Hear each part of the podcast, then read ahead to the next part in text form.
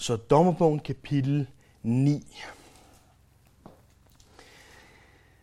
Intet liv er helt spildt. Ikke hvis man kan være et frygteligt eksempel på, hvad man ikke skal gøre.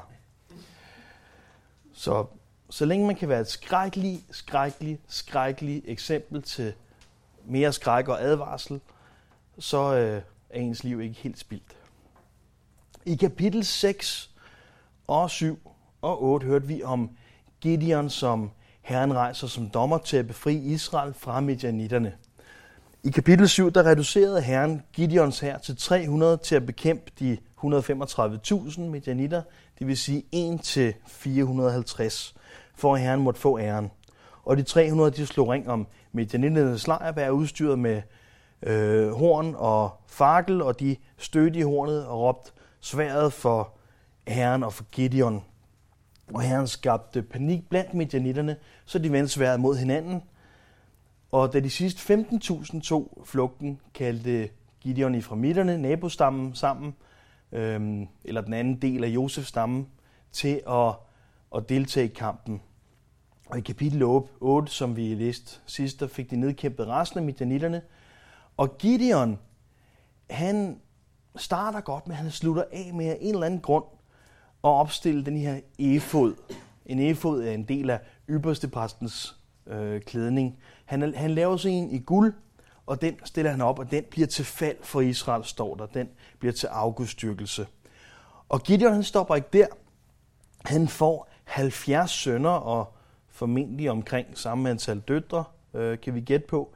Øhm, heldigvis med mange koner, øh, står der, eller med flere koner.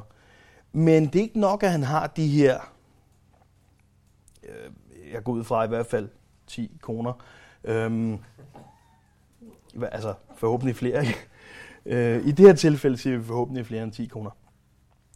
Øh, ikke nok, man har dem, så har han i hvert fald en konkubine, en øh, medhustru i Sikkim, som han får en søn med.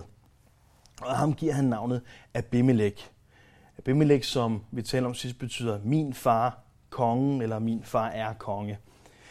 Den her form for madhustru eller konkubine bliver boende hos sin slægt, øhm, og manden kommer så på besøg indimellem, ligesom en slags feriebolig, ligesom man har et sommerhus, så kan man altså have sådan en, en, øh, en feriekone, som, som øh, man så besøger.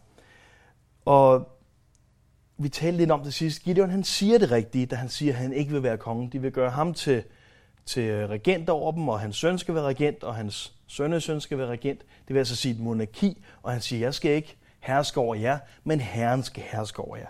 Så han siger det rigtige, men så lever han som en konge bagefter. Øhm, ikke nok med de her mange koner, så skal han også have mindst en feriekone eller konkubine. Hvorfor lige have en medhustru i Sikkim af alle steder? Uden at vide det med sikkerhed, så er sagen nok, at han har en medhustru her og der. Han, han har nok en i, i hver by, hvor han lige kan komme forbi. Øhm, uden at vide det med sikkerhed. Men der skulle ikke være en speciel grund til at have hende i Sikkim. Gideon, han lever altså sådan et liv med mange koner og, og medhustruer, øh, og Gideon han dør så i slutningen af kapitel 8, og der læser vi 8.33-35. Da Gideon var død, gav israelitterne sig igen til at håre med balerne. Det gjorde Baal Berit til deres Gud. De huskede ikke Herren, deres Gud, som havde reddet dem fra deres fjender på alle sider. De var ikke trofaste mod Jerubals, Gideons hus, og gengældte ham ikke alt det gode, han havde gjort mod Israel. Så nu ser vi, hvordan de ikke viser trofasthed til hans hus. Nu kommer det her tragiske efterspil. Øh, og det er, det er ikke for at få forventningerne op, men øh, kapitel 9 er det tragiske, den, den her epilog, eller det her tragiske efterspil til Gideon. Så vi læser fra vers 1. Jo, Jobels søn Abimelech gik til sine morbrødre i Sikkim og bad dem om, øh, undskyld, og bad dem og hele sin morfars slægt om at spørge alle borgerne i Sikkim. Vi I helst have 70 mænd, alle øh, Jerubals undskyld, Jerubals sønner skal herske over jer, eller at en mand skal gøre det.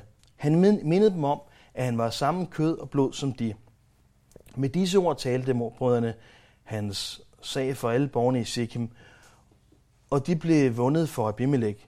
De sagde, han er jo vores slægtning. De gav ham 70 sikkel sølv fra Baal Berits tempel. Og for dem værede Abimelech nogle rå og ryggeløse mænd, som fulgte ham. Så Abimelech, som vi talte om, min far er kongen selvfølgelig, Jerubal, den samme som Gideons søn. Gideon fik de her 70 sønner med flere koner. Øhm, og Abimelech, som er øh, vokset op i, i Sikkim med sin mor der, han har ambitioner. Han vil være konge. I det her tilfælde vil han, han vil være konge over Sikkim, og, og, og øh, altså ikke øh, hele Israel, men, men øh, der, hvor han kommer fra. Det hans far gjorde ret i at sige nej til, det er det, som Abimelech han går efter. Og han får så overtalt familie og naboer til at øh, støtte ham. De vil hellere have en lokal til at regere over dem, øh, og dermed så kan han hyre nogle lejesvende, finansieret af afgudstyrkelse. Pengene kommer jo fra Baal Berits tempel, så deres afgudstyrkelse finansierer altså den her øh, her af lejesvenden, han kan, han kan mønstre. Baal Berit betyder pagtens bal. Øh, og det er den bal, øh, som israelitterne her gjorde til deres gud, stod der i 8.33. Vers 5. Han gik hjem til sin slægtning i Orfra og dræbte sine brødre, Jerubals 70 sønner, på en og samme sten. Kun Jotam, Jerubals yngste søn, var tilbage, for han havde skjult sig. Der samledes alle Sikkems borgere, og alle, der var i Betmelo, og gik hen og udråbte Abimelech til konge ved stenstøtte en i Sikkim. Så Abimelech han springer alt det indledende over. Øhm, han skriver ikke en uafhængighedserklæring. Han øh, forhandler ikke vilkårene for et hjemmestyre i Sikkim, øhm, om hvordan de kan løsrive sig fra resten osv. Han går direkte til sine brødre, og så hugger han altså hovedet af dem alle sammen på den samme sten. Undtagen Jotam, som så slipper væk. Øh, og herefter bliver han, eller lader han sig udråbe til kongen over øh, Shechem og øh, Bet Milo. Så læser vi fra vers 7. Da Jotam fik det at vide, gik han op og stillede sig på toppen af Gerisims bjerg og råbte med høj røst. Hør på mig, Sikkems borger, og må Gud høre på jer. En gang ville træerne salve en konge over sig. De sagde til oliventræet, du skal være konge over os. Men oliventræet sagde til dem, skulle jeg give afkald på min fede olie, som guder og mennesker æres med, og give mig til at knejse over træerne? Så sagde træerne til fintræet, kom, du skal være konge over os. Men fintræet sagde til dem, skulle jeg give afkald på min søde og dejlige frugt, og give mig til at knejse over træerne? Så sagde træerne til vinstokken, kom, du skal være konge over os. Men vinstokken sagde til dem, skulle jeg give afkald på min vin, som glæder guder og mennesker, og give mig til at knejse over træerne? Så sagde alle træerne til tørnebusken, kom, du skal være konge over os.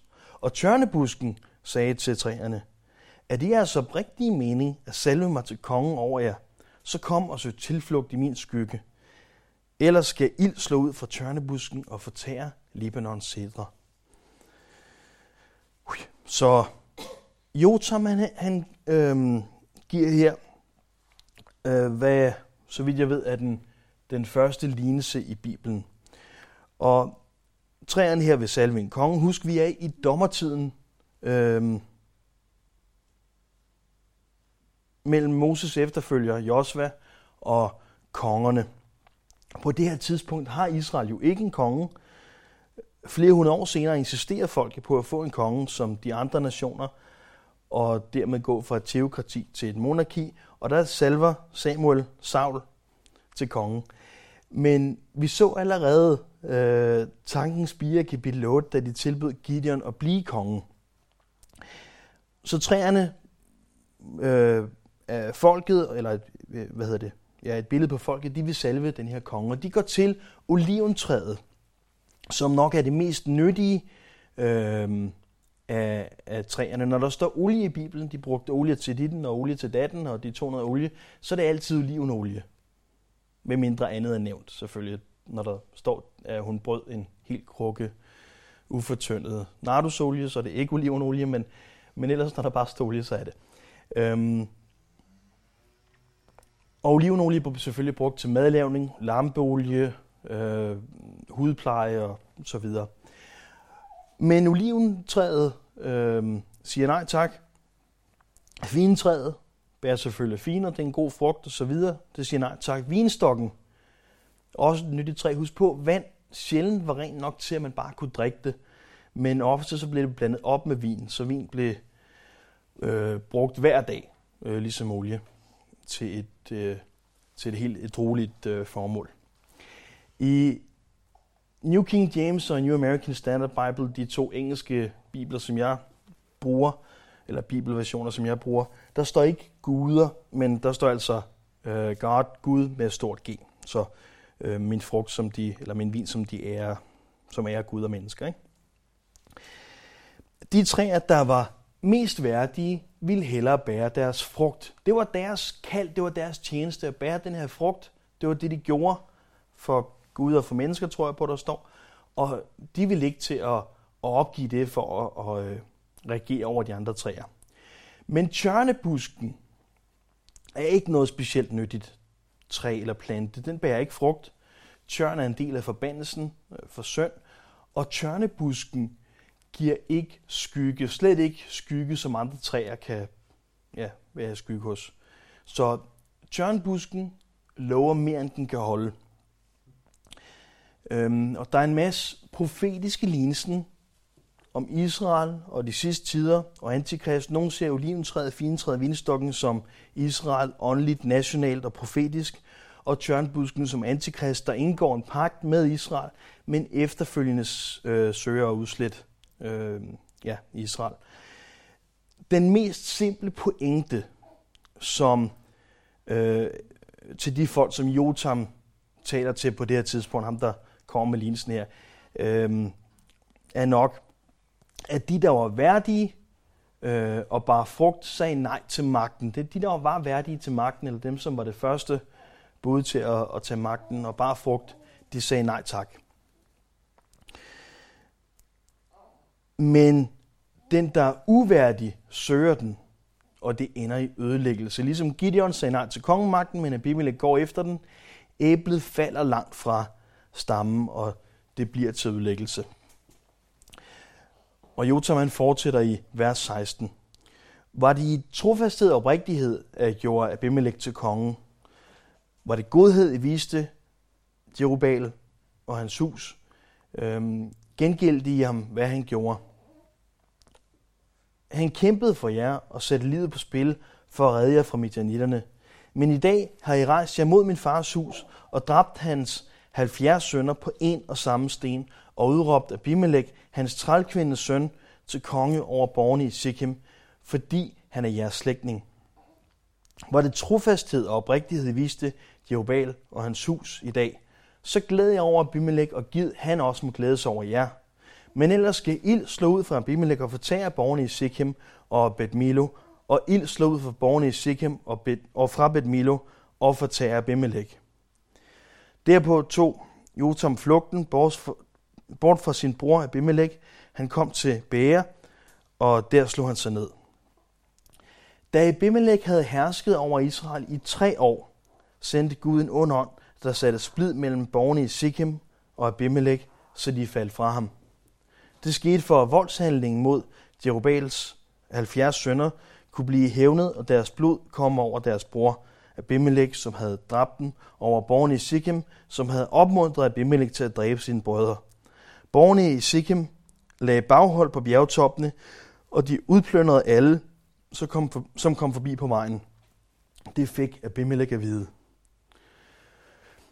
Så ligesom herren kan bruge de her afgudstyrkende nationer, the bad guys, til at tugte Israel, når de begår afgudstyrkelse, så kan herren altså også slå splid mellem dem og vende øh, de her onde afgudstyrkende folkeslag øh, og, og mennesker mod hinanden.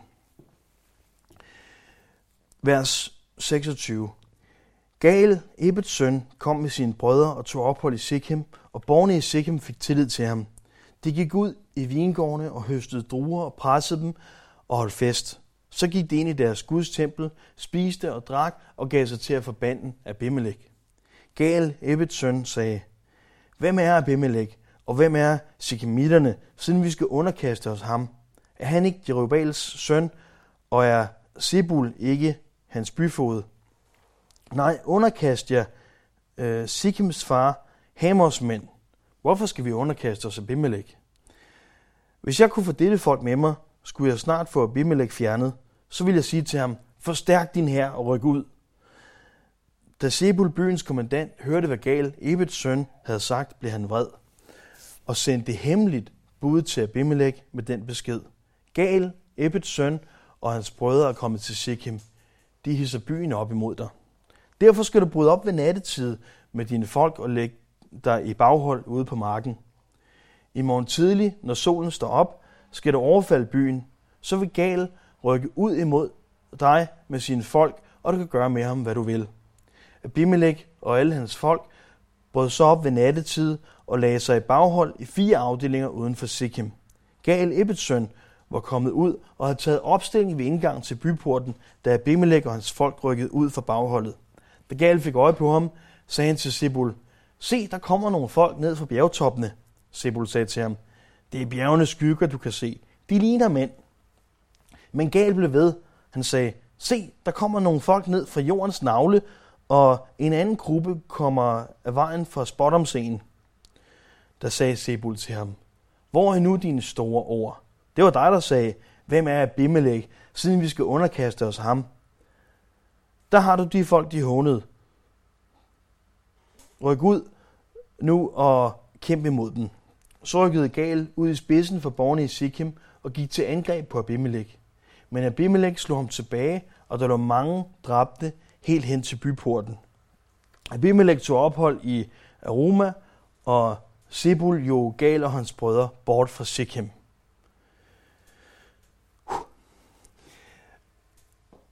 Gal og hans brødre er tilsyneladende nogen med slagkraft. Jeg har faktisk ikke rigtig klar over, hvem de er. Men, men det er nogen, som øh, øh, de sætter deres lid til i hvert fald. Øhm, jeg er ikke så sikker på, at de nøjes med friskpressede druer her. Øh, det virker altså lidt som om, de holder en fest. Og han virker lidt opstemt i vers 29. Øh, Forstærk din her og ryk ud, siger han. Ordsprogenes bog 1812. Menneskehjertets hovmod går forud for ulykke. Ydmyghed går forud for ære. Eller hovmod går før fald, er der også nogen, der siger. Og måske er han lidt drænet der i vers 36, hvor han siger, se, der kommer, øh, der kommer vist nogle folk gående ned. Øh, og Sebul han svarer, nej, men det skal du ikke bekymre dig om. Det, øh, det er bare skygger. Plej du bare din tømmermænd. Der er ingen far på færre her. Sebul er selvfølgelig byens øh, kommandant og hemmelig allieret med Abimelech. Og det er altså ham, der organiserer det her baghold og foregiver at være på gal side, indtil fjenden er alt for tæt på. Og han sagt, at ah, der, der er ikke nogen far på færd, det er slet ikke mennesker der. Og når de så er rykket tæt på, siger han, april snart. Øhm, frit oversat, siger, hvor nu dine store ord? Det var dem, du, du sagde, du bare kunne slå. Vers 42. Næste dag gik folk ned på marken. Da Abimelech fik det at vide, tog han sine folk, delte dem i tre afdelinger og lagde et baghold ude på marken. Da han så, at folkene gik ud fra byen, overfaldt han dem og dræbte dem. Abimelech og den afdeling, som var med ham, trængte frem og tog opstilling ved indgangen til byporten, mens de to andre afdelinger overfaldt alle dem, som var ude på marken og dræbte dem. Efter Abimelech havde angrebet byen hele dagen, indtog han den og dræbte dens indbyggere. Han rev byen ned og strøede salt på den. Da folk i Sikhims fæstning hørte det, gik de alle ned i Elberits tempelhal.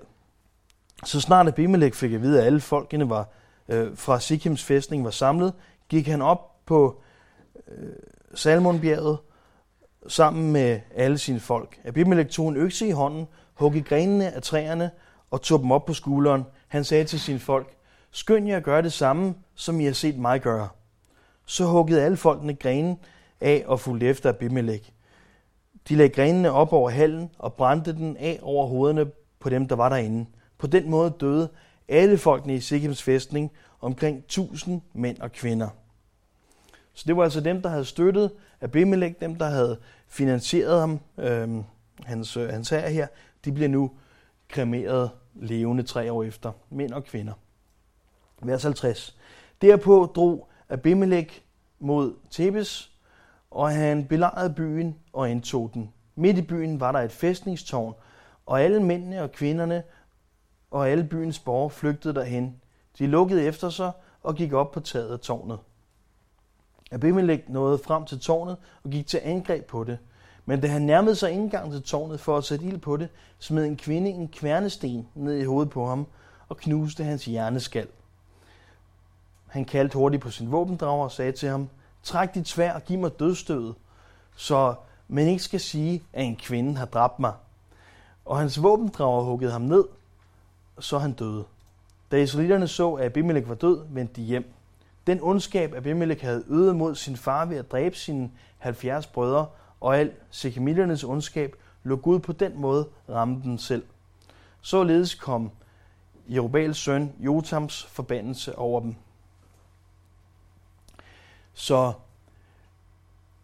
ja, det siger sig selv. Øh, folk de prøver at søge øh, ly i de her fæstninger, og nogle af dem bliver kremeret levende, og Abimelech er ret god til at gå til kamp mod de her tårne eller fæstninger, indtil en kvinde smider en kværnesten ud. Øhm, det er, så vidt jeg har forstået, ikke toppen af sådan en møllesten. Det er lidt mindre sten, man selvfølgelig bruger til at kværne med, men altså rigeligt stor til øh, og, og smadrer øh, hovedet på en eller anden, når man kaster den ud. Og ja, det er jo selvfølgelig det er selvfølgelig en macho-kultur, og ham her er en, en macho-type. Han er åbenbart ikke mere død, end han øh, stadig kan nå at sige, slå mig lige ihjel, så der ikke kommer nogen og siger, at det var en kvinde, der slog mig ihjel. Og det gør det ikke bedre, at det er en kværnesten. Det svarer lidt til at blive dolket med en strikpind. Det er sådan et, et, et kvindeværktøj. Det er lidt svært at forestille sig, hvorfor det skulle være et problem, at altså, om man er blevet slået ihjel af en kvinde eller, eller en mand. Men det er muligt, det var helt normalt på det tidspunkt at gå op i sådan noget. Øhm, I hvert fald så har det ikke hjulpet Abimelech meget, når han har skulle til regnskab for Gud. Og han har slået 70 af, af sine brødre ihjel og, og øh, kremeret de her tusind mænd og kvinder levende. Om en kvinde eller en mand har slået ham ihjel. Men han dør, og de her bad guys, de bliver spillet ud mod hinanden. Gud, han har hånd om det. Han skal nok øh, opnå retfærdighed. Herren han tager sig af the bad guys, ligesom, ligesom Gud han bruger onde folk til at tugte sit ejendomsfolk, så tager han sig også af de onde i en vis forstand. Nogle gange rejser han en befrier eller en dommer til at bekæmpe dem, og andre gange spiller han folk og folkeslag ud mod hinanden. Det er ikke noget, vi skal bekymre os om. Hvad sker der med de her vemmelige mennesker? Det har Gud hånd om. Vores kald det er at tjene Herren, og vi må passe på, hvem vi allierer os med, hvem vi støtter og hvem vi gør fælles af med. Tak Jesus for dit ord til os. Og ja, den her sørgelige pilot til, til skræk og advarsel, må den være til skræk og advarsel for os her. Må vi, må vi huske på dit ord, når vi står i situationer, hvor vi kan vælge rigtigt og forkert, og sætte et rigtigt og forkert eksempel for, for vores øh, børn, eller dem vi har ansvar for, øh, ligesom Gideon. Tak her. Amen.